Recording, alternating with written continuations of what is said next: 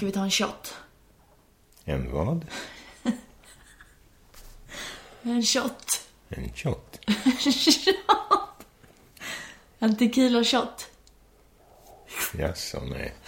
Jag skojar. Okej. Okej. Jag ska vara seriös.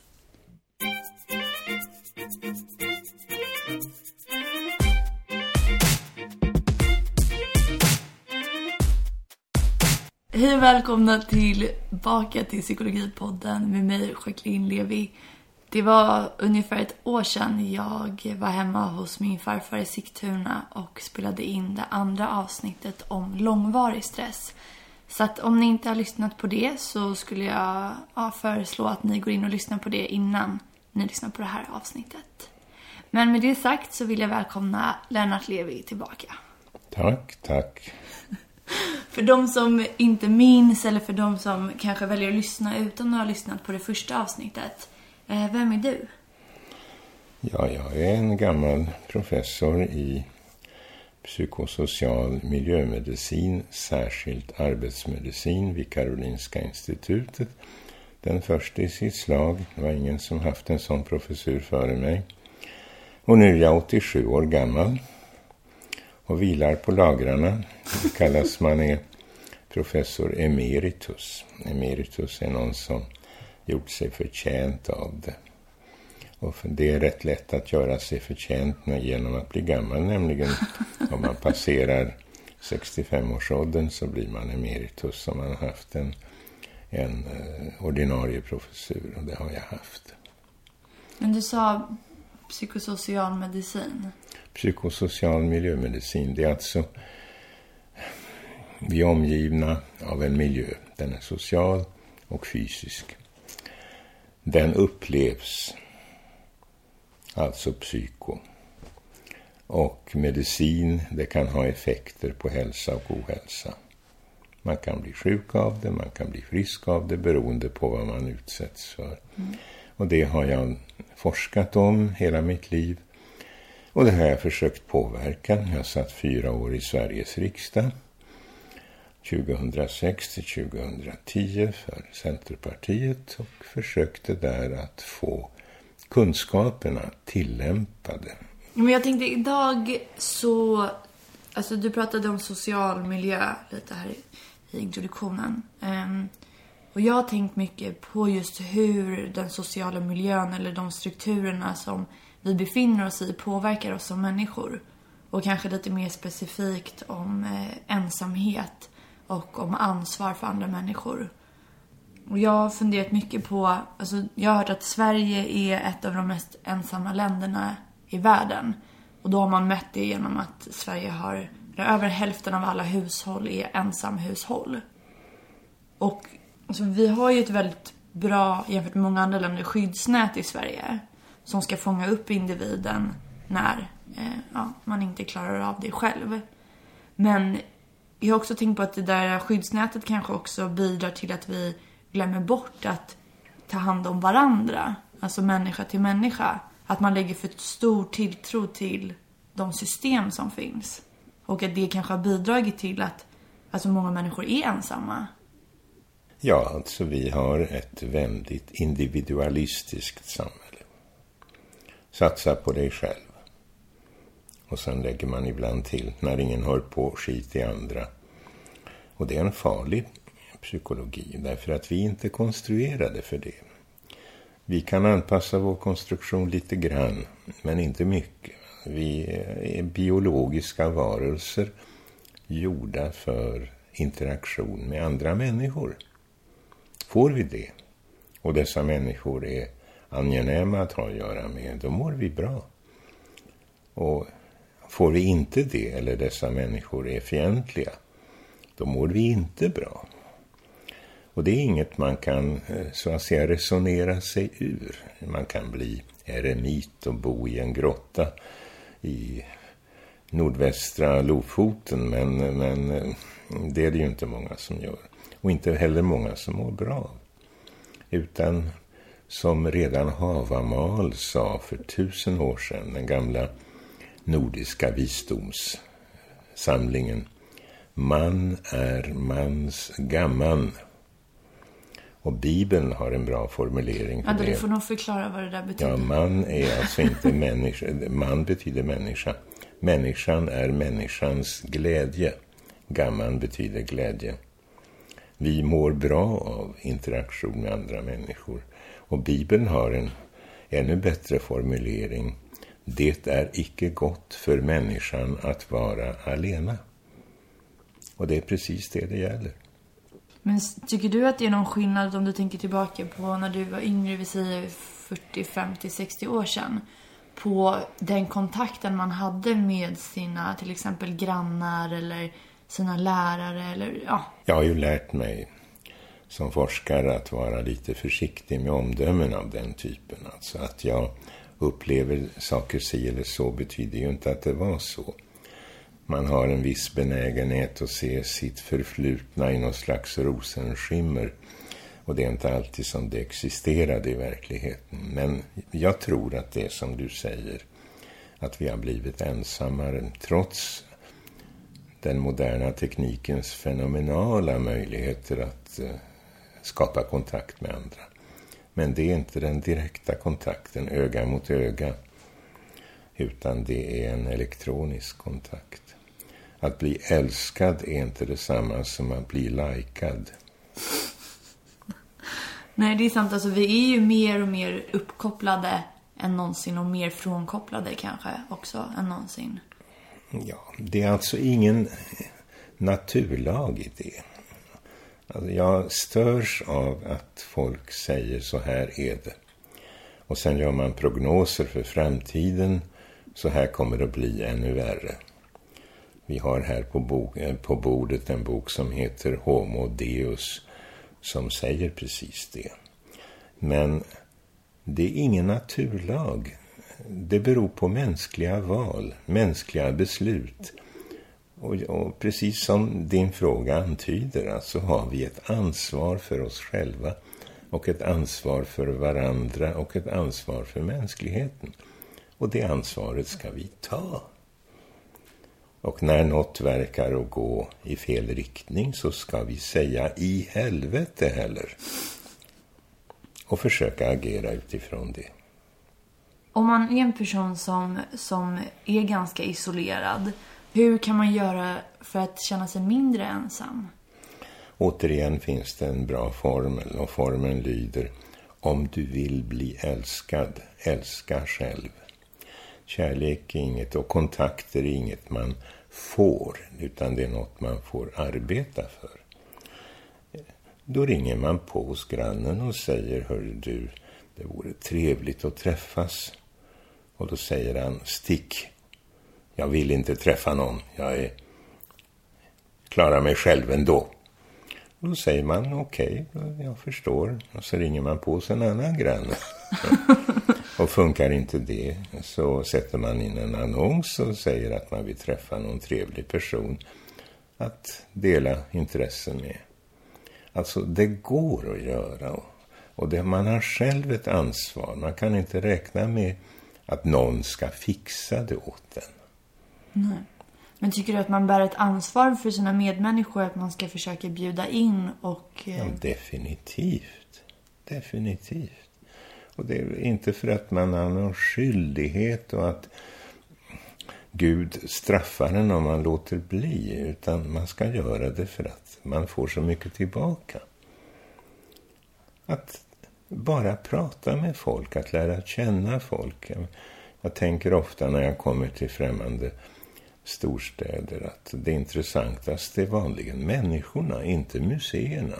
Människorna de man lär känna, de man träffar, de man har ett samtal med. Ett, inte bara väder och vind och var ligger den och den gatan utan hur har du det, vad vill du, vad gör du, hur mår du?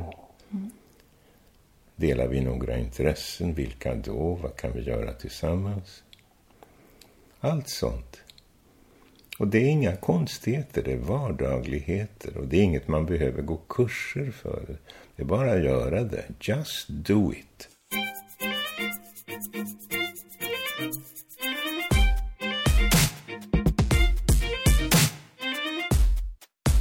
Ja, alltså vi har ju pratat om någonting som kallas för stödkomponenten som är en tredje komponent till den ursprungliga krav och kontrollmodellen när man pratar om eh, ja, men hur krav och kontroll påverkar ens mående. Mm.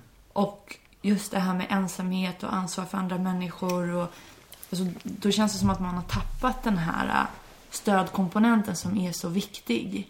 Alltså i det här individualis individualiserade samhället där det viktigaste kanske är att till och med att vara fri. Att vara en egen individ som klarar sig själv, som inte behöver eh, man eller som inte behöver fru eller som, som handlar mycket om emancipation, alltså frigörelse.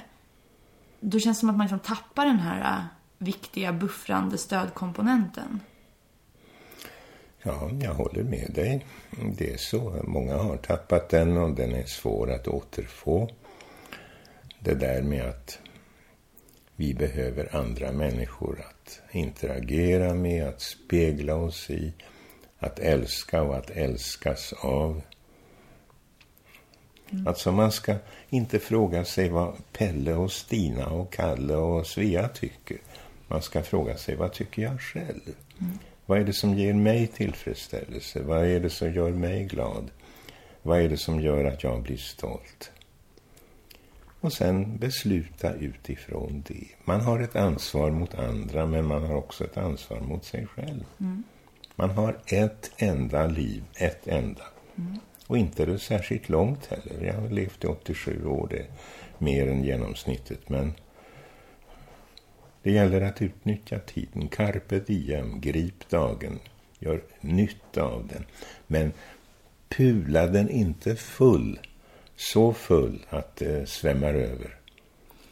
Nej, vi har tänkt på en annan grej som, som kanske bidrar till den här stressen som man känner.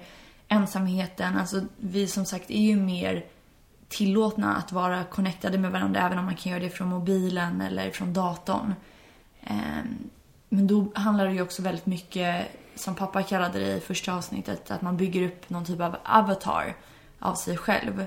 Alltså många av de här hemsidorna som Instagram, som är som en bilddagbok och Facebook och LinkedIn. Alla de handlar ju om att bygga upp och visa upp det bästa av dig själv. Och det är ju en väldigt fragmenterad ja, bild. Det visar ju inte hela verkligheten.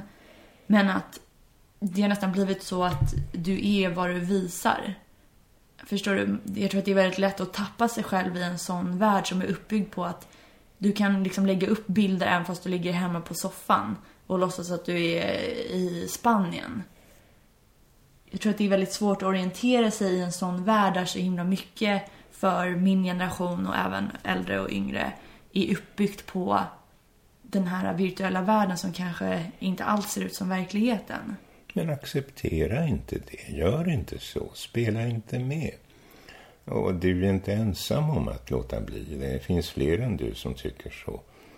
Så att eh, fråga dig själv. Jag återkommer till det om och om igen. Fråga dig själv. Hur vill du att ditt liv ska vara? Hur vill du att din värld ska vara? Hur vill du att din miljö ska vara? Och sen agera utifrån det själv och tillsammans med andra. Jag vet, jag tycker bara att det är svårt. Jag har försökt flera gånger. Till exempel nu på sommaren så har jag raderat min Instagram till exempel just för att jag vet att om alla mina vänner är på semester och jag är hemma i Stockholm till exempel som är nu. Då mår inte jag bra av att ligga och kolla på vad alla andra gör. Till exempel. Men, men sen så dras man på något sätt in i det här därför att det är liksom en del av hur verkligheten för folk i min ålder ser ut. Så att det är svårt att helt ställa sig utanför det även fast jag liksom ideellt skulle önska att jag var så pass, eh, hade den liksom självkontrollen kanske. Jag tycker det. Det är Inger. Ja. det var farfars fru som kom hem. Ja, jag kunde inte identifiera ljudet. Nej. Ja. Nej, det är sant som du säger. Alltså visst, vi blir påverkade av vår omvärld, men vi kan sätta oss till motvärn och säga att ja, men jag vill inte ha det så här. Och jag vill inte tänka på det där stupida sättet som andra gör det på. Och att de är dumma betyder ju inte att jag också måste vara dum därför att de är fler än jag. Utan jag vill, jag vill leva mitt liv. Mm. Och jag är inget Instagram, jag är Jacqueline Levi. Och jag är en människa av kött och blod. Och jag har ett förnuft och jag har känslor och jag vill arbeta och jag vill studera och jag vill älska och jag vill leka. Ja, men jag tror att det blir lite paradox där, för att å ena sidan så, så vill man liksom ställa sig utan, eh, utanför hela den här eh, liksom, sociala mediebubblan, eller åtminstone eh, portionera det bättre, eller man säger. Men då känns det som att ställer man sig utanför så blir man ensam i det, samtidigt som är man med i det så kan man ju vara minst lika ensam även fast man deltar, om du fattar. Jag fattar, men ensam behöver man ju inte vara. Så det finns uppåt 7,5 miljarder människor. Det finns rätt många att välja på. Jag svär på att det finns en massa människor som tycker precis som du. Och som sympatiserar med ditt sätt att leva och dina val. Det är bara att, att etablera kontakt med dem och inte bara elektroniskt. Även fysiskt. Jag vet, men det känns som att jag har liksom vuxit upp i en tid där det är mindre läskigt för folk att gå hem med någon okänd människa från, eh, från krogen än att gå på en dejt. Alltså jag lovar, folk är mer rädda för att gå på en dejt och vara nyktra än att gå hem med någon som de inte känner när de är fulla på krogen. Ja, men att folk är dumma behöver inte betyda att du ska eh, kopiera dem. Nej, men det, det handlar, jag tror inte det handlar om dumhet. Jag tror bara att det handlar om att, att man har blivit liksom... Jag vet inte om det handlar om rädsla eller om det handlar om... Alltså det är ju läskigare att, att interagera i verkligheten än vad det är att interagera online. Så att till sist om man får tillräckligt mycket träning i att interagera online men inte så mycket offline då blir det så pass läskigt att man, alltså det kanske ytterligare liksom spär på den här att man fortsätter vara online istället för att kanske gå ut och ja, socialisera sig i verkliga livet. Ja, det är val man gör, alltså det är risker man tar. Inget liv utan är fritt från risker.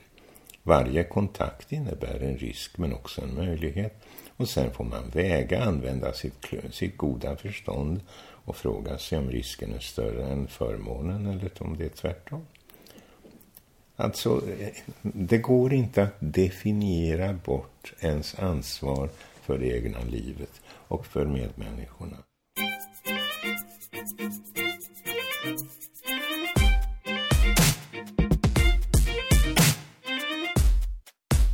Ja, men det finns ju till exempel, har du hört om en app som heter Tinder? Nej. Okej, det är en dating-app. Ska jag visa dig?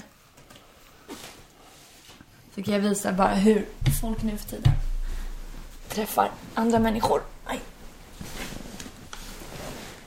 Då har man så här.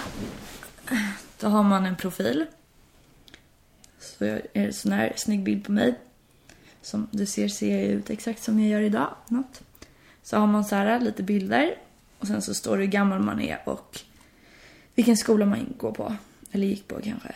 Eller vad man jobbar med. Och sen så kommer det upp eh, ansikten så här. Mm.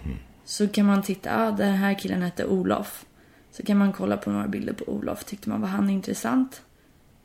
Mm. Nej, det tyckte vi inte. Då så drar man till vänster. Sen kommer nästa, Lukas. Ja, tyckte man han var intressant? Vad tycker du? Jag skulle akta mig. Okej, då kan åt vänster. Fattar du? Så sitter man så här, vänster, vänster. Ja, så kan man till exempel om man hittar någon som man tycker verkar intressant. Så drar man åt höger. Och sen så, om den andra personen har gjort samma sak, då matchas man. Ja. Då kan man skriva till varandra så här. Ja, det är ju ett sätt att få ett urval. Att få ett såll. Där man eh, eh, ja, kan sortera bort ett antal personer. Men är inte det bästa ändå att man i, sin, i sina studier och i sitt arbetsliv och i sitt umgänge träffar någon som man inte har i mobiltelefonen utan som man ser som en levande människa framför sig. Och den här personen verkar sympatisk och den här personen verkar snäll.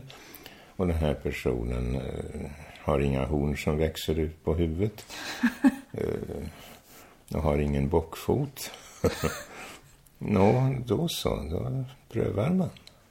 Ja, men jag tror att det har handlat mycket om, alltså nu i den här eh, sociala medievärlden så handlar det ju mycket om att jämföra sig själva. Det är ju ett, ett mänskligt fenomen. Men sen så har ju det kunnat accentueras av att eh, ja, men av sociala medier som kapitaliserar på de behoven som människan har av uppmärksamhet och av eh, ja, sådana saker. Men då tror jag också att det blivit viktigt att man hela tiden liksom väntar på det bästa. Alltså återigen att man vill vara bäst, man vill ha den bästa semestern, den bästa partnern. Och sen så kanske man ligger på stranden i Spanien och så ser man ens kompis lägger upp en bild på stranden Bali. på Bali. Ja. Det finns ju många fördelar med sociala medier också, men vad tänker du ur ditt perspektiv som inte har haft sociala medier? Jag har klarat mig alldeles utmärkt utan sociala medier. Däremot tycker jag ju det är jättebra att kunna surfa på nätet och där hitta saker, googla alltså saker som jag aldrig skulle hitta på annat sätt. Nej, men alltså jag sätter mig till motvärn mot det där. Att många gör saker och ting betyder inte att jag behöver göra det. Att många har vissa värderingar betyder inte att jag behöver ha det. Och jag är inte ensam om att vägra ha somliga värderingar utan det finns massor med människor som tycker som jag. Mm. Och då arbetar jag för det som jag tycker. Jag brukar säga, jag är rädd för människor som bara läst en bok. Och det oavsett om boken är Bibeln eller Koranen eller, eller uh, uh, Shakespeare eller, eller, eller uh, Platon. Alltså man ska ta del av flera uppfattningar, väga dem mot varandra och välja den som passar en bäst. Mm. Inte tro på enkla lösningar på komplexa problem. Mm. Och sen inte vänta sig att andra ska lösa problemen åt en och inte räkna med att majoriteten alltid har rätt. Majoriteten har inte sällan fel. Det strider mot demokratins regler, alltså man ska följa demokratibeslut. Men menar, en majoritet röstade för att Storbritannien ska lämna EU. Och nu ångrar de sig, men nu är det för sent. Beslutet är taget. Och då får man äta upp det och betala ett pris för det. Och det kommer de att få göra, de kommer att ångra sig och det kommer att bli en massa trassel, men gjort är gjort. Mm. Tänk efter före. Tänk efter före. Så. Och inte med magen, med hjärnan. Ja, men någonting som jag tänker efter väldigt mycket på. Alltså, jag befinner mig ju lite i så här klippa navelsträngsåldern. Jag är ju 26. Eh, och man förväntas ju vara vuxen på något sätt. Eh, man är ju lite kapten på sin egna båt. Man bär ansvaret, alltså sjunker båten så sjunker båten. Och det är upp till mig att få den att inte sjunka. Om du fattar vad jag menar. Kanske ja, lite visst, luddigt. Nej, nej, det är inte dugg luddigt. Ja, jag förstår. men jag tycker bara att det är väldigt svårt att eh, orientera sig i den här eh, livssituationen där man fortfarande kanske, antingen så har man börjat eh, jobba eller så kanske man fortfarande pluggar. Och man försöker på något sätt skapa sig sin egna livsuppfattning och integrera sin egna världsbild med andras världsbilder. Mm, mm, mm. Och man ska ta sina egna beslut. Men det finns liksom inte längre någon yttre struktur som håller en uppe utan man är lite, man är sin egna yttre struktur. Och jag känner på något sätt lite, mm, alltså det är som att jag inte riktigt vill bli vuxen. Mm, du har nog inget val. det är sånt som kommer med, med åren och jag menar, föräldrarna dör en vacker dag. Det är tråkigt och trist och tragiskt, men det är så. Den ena generationen avlöser den andra och den andra avlöser den tredje och så vidare. Och så har det varit i alla tider. Livet är utmätt. Vi har kort tid på oss. Och utmaningen för oss alla är att göra bruk av det. Och hur, det vet ingen utom vi. Och vet vi inte det så kan vi ta reda på det. Och kan vi inte ta reda på det så kan vi försöka kryssa oss fram mellan möjligheterna så att det blir ungefär rätt. Jag vet, men jag tycker bara att det här kanske är någonting som man tänker på i flera åldrar. Det kan kanske du svara på. Men att man liksom, man har kommit till en punkt i livet där man tänker liksom det här är det som blev och det här är det som är. Och sen så tänker man på de alternativa verkligheterna som hade kunnat vara. Eller hur man kanske ska uppnå en alternativ verklighet. Och det känns som att det kan bli liksom paralyserande därför att det känns som att det finns så mycket att välja på. Samtidigt som eh, man, man vill ju inte göra allt fast ibland vill man göra allt. Ja, då är det första att inse att man kan inte göra allt och att man måste välja och att eh, somliga val är inte de absolut bästa hundraprocentiga utan de är 97-procentiga. Det är fantastiskt. 97 procent. Ja, ja. Jag hade en mentor, professor Börje Kronholm, när jag skulle disputera för medicine doktorsgraden så sa han det bästa är det godas fiende. Jag hade precis som du då ambitionen att göra en avhandling som skulle slå världen med häpnad. Den skulle vara bäst. Och han menade att det räckte ganska långt med att den var bra. Och att den blev färdig någon gång, för det drog ut på tiden. Och han hade ju alldeles rätt. Till slut måste man säga nu har jag valt och nu står jag vid det valet. Okej, okay, om det inte är det absolut bästa så är det vackert om det är bra. Mm.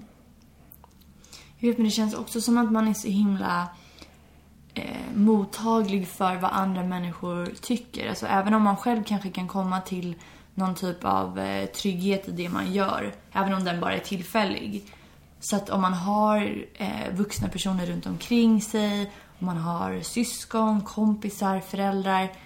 Alltså de har ju fortfarande en makt över en. Även om man då håller på att frigöra sig och, och klippa navelsträngen så är det ju fortfarande så att Alltså det kan ju räcka med några ord från någon som man ser upp till.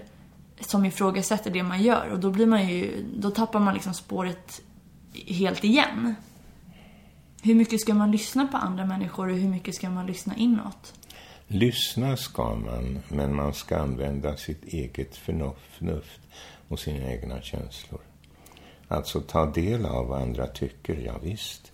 Vad tycker du, vad tycker du, å ena sidan och andra sidan. Men sen gör man sin egen sammanfattning av detta. Och sen agerar man utifrån den. Mm. Jag, jag, kan inte finna annat än att det är det enda förnuftiga man kan göra. Mm. Och att det, gör man det så går det en väl någorlunda. Jag menar, det kanske inte blir att man blir FNs generalsekreterare, men varför ska alla bli det? Eller att man blir påve. Varför ska alla bli påvar? Eller att man blir eh, Sveriges eh, statsminister. Inte ens det är nödvändigt. Men jag tror också att alltså när man är i den här eh, åldern, men också tänker jag när man, alltså även när man åldras.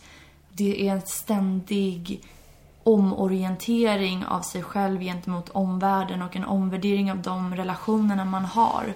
Och vem som är viktig för en i det liksom, livsskedet man är i och hur man kanske själv ska ändra hur man förhåller sig till andra. Alltså det är liksom ett ständigt arbete med våra relationer. Mm. Ja, då tänker jag på det här som jag tidigare sagt. Don't sweat the small stuff. Alltså gör inte en höna av en fjäder. Somliga beslut är jätteviktiga. Till exempel vilket yrke man väljer, vilken partner man väljer, vad man ska ägna sitt liv åt. Andra beslut är ganska vardagliga. Men tycker du att det är, om man till exempel har, om man är i den här liksom åldern och man vet kanske att vissa människor inte får en att må bra och så har man liksom en viss tid och en viss energi att lägga. Tycker du att man då kan avsluta de relationerna? Eller hur ska man göra, tänker du? Mm, det är klart man kan avsluta relationer. Alltså folk som även i ens närhet påverkar en som man...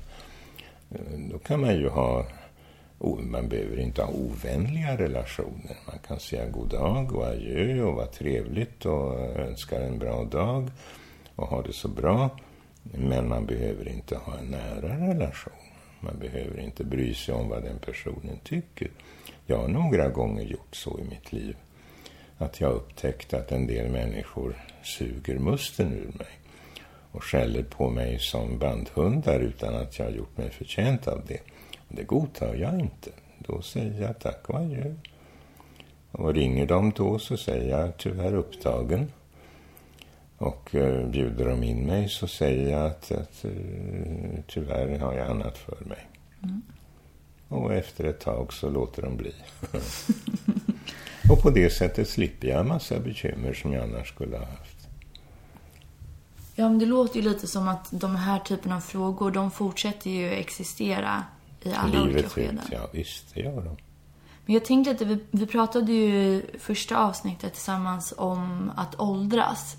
Och jag tänker lite att alltså, den här bristen på struktur som man kan uppleva, uppleva, som man kan uppleva, att den, den kanske försvinner lite under tiden man är arbetsför och om man skaffar barn eller ja, vad man nu hittar på. Men att sen när man åter har blivit, eh, ja men när man till exempel har pensionerat sig eller när man är äldre, att den här bristen på yttre struktur åter uppstår. Ja, inte med något, Det är klart att har man ett arbete att gå till, har man ett äktenskap att gå tillbaka till från arbetet, det, gör, det skapar automatiskt en struktur. En del av det förlorar man om man förlorar sin partner genom död eller genom svek. Och eh, det förlorar man också om, eh, när man går i pension. Men man förlorar ju inte livet. Alltså då frågar man sig på nytt, vad kan jag fylla mitt liv med? Och då talade jag häromdagen med en kille som blev så intresserad av sin lilla kommun i Värmland att eh, dess historia var inte skriven. Och han är inte historiker, men han blev så fascinerad av den. Träffade några kompisar från barndomen och ungdomen.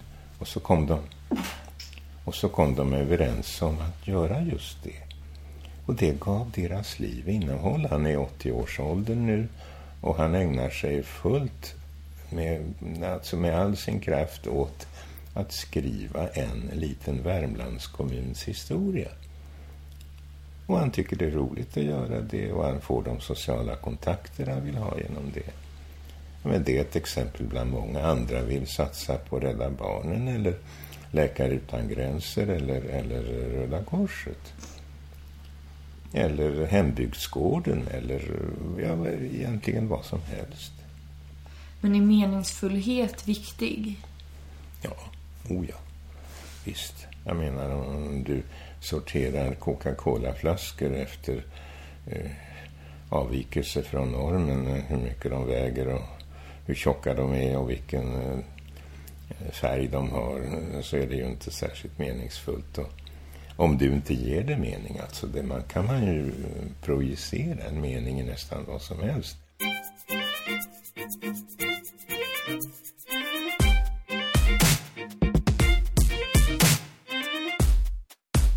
Jag har tänkt på en annan grej som har att göra med det här med att åldras. Jag har ju turen att ha både dig, mormor och morfar i livet fortfarande. Även fast alla ni är över 90 eller börjar närma er 90. Jag är Nej. inte över 90, Nej, inte än. bara 87. ja, ung som en lärka. Jag tänker ju ofta på att ni är gamla och jag vet ju det. Men samtidigt så känns det som att man har väldigt många frågor som man inte vågar ställa eller som man inte vill ställa för att jag vet inte om det är av, av, att man är självisk, att man inte liksom vågar ta det svaret som man kan få på sådana frågor. Men känner man sig någonsin ensam i att man åldras för att de yngre generationerna inte frågar någonting? Ja, jag har inte känt det så. Jag har haft bra kontakt med mina tre barnbarn. Jag älskar alla tre. Jag är mycket medveten om att de tre olika personligheter och det är bra. Hade de varit kopior av varandra hade det varit eh, inte lika bra. Men det är de inte. Kopior av mig hade varit helt okej. Nej, nej, men du är du och de är de. Det är bra att det är så där. Nej, jag, jag har fått den kontakt jag behöver. Och vill de ställa frågor är det bara fritt fram. Om frågan exempelvis om jag är rädd för att dö, svaret är nej. Om jag tycker att det är förfärligt att eh, livet tar slut, återigen är svaret nej. Jag tycker det är naturligt att det tar slut. Hade det inte gjort det, hade inga beslut spelat någon roll. Då hade vi kunnat göra den här intervjun nu, eller om tio år, eller om hundra år, eller om tusen år, eller om en miljon år. Inget beslut hade spelat någon roll eftersom tiden för en ändring hade varit obegränsad. Nu är den inte det. Nu vet vi att gör vi det här inte nu så kanske den aldrig blir gjord. Men tänker du på döden ofta? Nej. Jag varken tänker på den eller fruktar den. Jag vet att den kommer. Jag har sett döden. Jag har sett min första hustru dö. Och sörjde henne djupt och gör det fortfarande. Men det är nu livet. Jag, tar, jag, jag minns att jag hade kontakt med en biskop då efter hennes bortgång och frågade honom. Han hade också förlorat sin eh, livskamrat. Och då sa han, vet du, sa han, vi är alla dömda att förlora den vi älskar genom död eller genom svek. Och det är faktiskt sant. Och frågan är vad som är bättre eller värre. Här var det genom död. Men jag känner att jag, alltså det är kanske återigen är själviskt men liksom jag vill alltid ha er med. Det känns så himla hemskt att liksom en dag så kommer ni inte liksom finnas där. Mm. När eh, jag gjorde min stora förlust så pratade jag med en kollega som heter Rolf Luft. Han var professor i endokrinologi, in, insöndringsorganens sjukdomar i Karolinska institutet. Och han brukade säga vi tar steget från sinnenas värld till minnenas värld. Och det steget måste alla ta. Jag och du och alla andra. Det ingår i livets förutsättningar. Och vad vi vill spelar ingen roll, för vi kan inte påverka det. What can't be cured must be endured. Men känns det inte hemskt att typ veta att när jag gifter mig eller när Becka eller Alex gifter sig eller får barn, alltså att du inte kommer finnas där då? Mm, ja, ni får väl skynda er. ja, nej, men... Det, det, jag menar, jag tar emot från livet. Ja, den där sången jag, tackar, jag vill tacka livet som har gett mig så mycket. Och det har livet faktiskt gjort. Jag har haft ett bra äktenskap och jag har fått den stora glädjen att ha ännu ett bra äktenskap.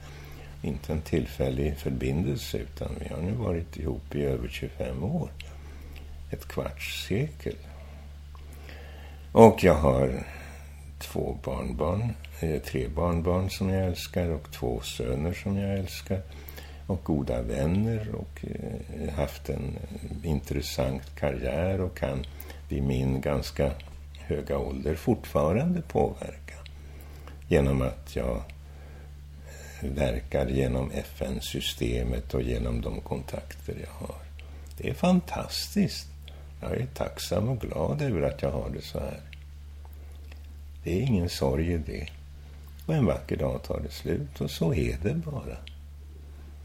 Jag vet, men jag har svårt att acceptera det. Ja, att du har svårt betyder inte att du inte kan. Det är rätt mycket här i världen som man inte skulle vilja eh, se det omkring. FN har för två år sedan antagit ett beslut om de 17 hållbarhetsmålen för utvecklingen. Och där står att man ska minska hungern i världen, och man ska minska spädbarnsdödligheten och man ska minska ojämlikheten och ojämställdheten och så vidare och så vidare. 17 mål. Men det är väldigt bra mål, kloka och välformulerade och väldefinierade. Och mycket, mycket, mycket återstår att göra. Och då är ens uppgift att bidra till att något eller alla kommer lite närmare en lösning. Istället för att tro att, eh, att slita sitt hår och ack och ve och tänk så mycket problem det finns. Men så gör något åt dem där du kan. Mm. Och alla kan göra något. Ingen kan göra allt. Mm. Så just do it. Och börja inte om tre år, börja nu.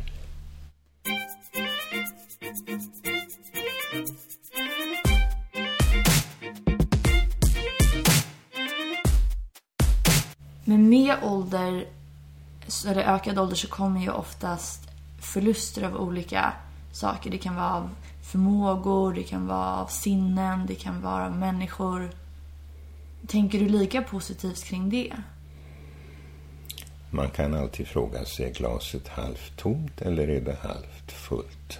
Det beskriver ju exakt samma situation. Och vi har valet mellan att säga ack, ve och hum eller det är halvtomt.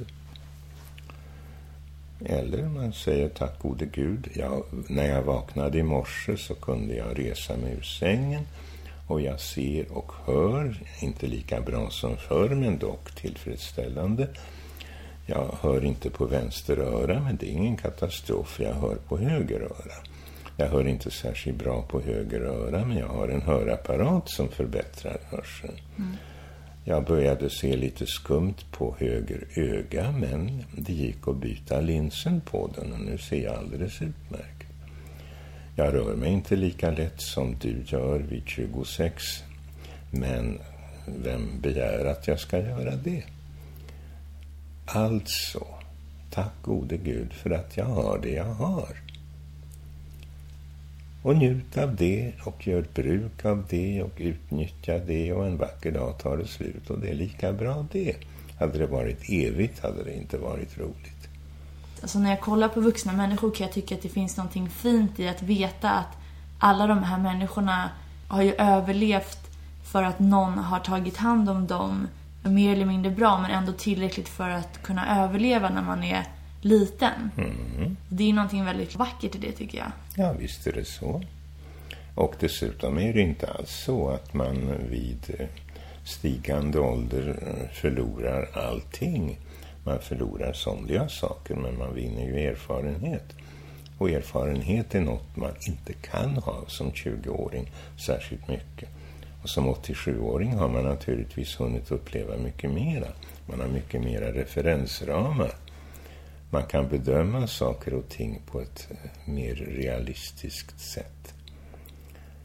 Man har mer att jämföra med helt enkelt. Och det, i det ligger ett värde. Och man kan läsa, man kan skriva, man kan lyssna, man kan uppleva. Det hänger på var och en att utnyttja de möjligheter som livet bjuder. Det känns som att du har en stor ödmjukhet inför livet. Ja, och jag har en stor tacksamhet att jag fått det jag fått. Det kunde ha gått helt annorlunda om det hade velat sig. Men kan du känna att de svårigheter du själv har behövt gå igenom i livet Alltså jag kan känna att ju sämre man själv har mått eller ju mer saker man har gått igenom desto större förståelse och empati och ödmjukhet känner man för andra människor och andra människors livsöden. Så är det i varje fall för mig. Ja, jag visst att man har något att jämföra med. Det man känt på sitt eget skinn, det kan man inte läsa sig till i en bok. Det måste man ha upplevt. Men man kan ta in andras upplevelser, andras erfarenheter och göra nytta av dem. Alltså, man hinner inte under ett liv göra alla erfarenheter. Lite måste man lyssna på andra och lite måste man läsa sig till i, böcker. Mm. Och böcker är som trädgårdar. Det är fantastiskt hur mycket som växer i dem. Ja, jag hoppas att jag ändå... Jag vet inte, jag tror att det kanske är för att jag själv känner mig så pass långt ifrån. Alltså jag känner inte att jag är redo. Även om jag försöker liksom på något sätt utsätta mig för tankarna att, att livet verkligen är föränderligt och jag vet det. Och jag vet att vissa människor som finns i mitt liv nu inte kommer finnas där och att det kommer på vissa sätt leda till en känsla av ensamhet som vi har talat om. Att bli lämnad kvar, inte på något skuldsätt utan Mm. man, men man blir ju det.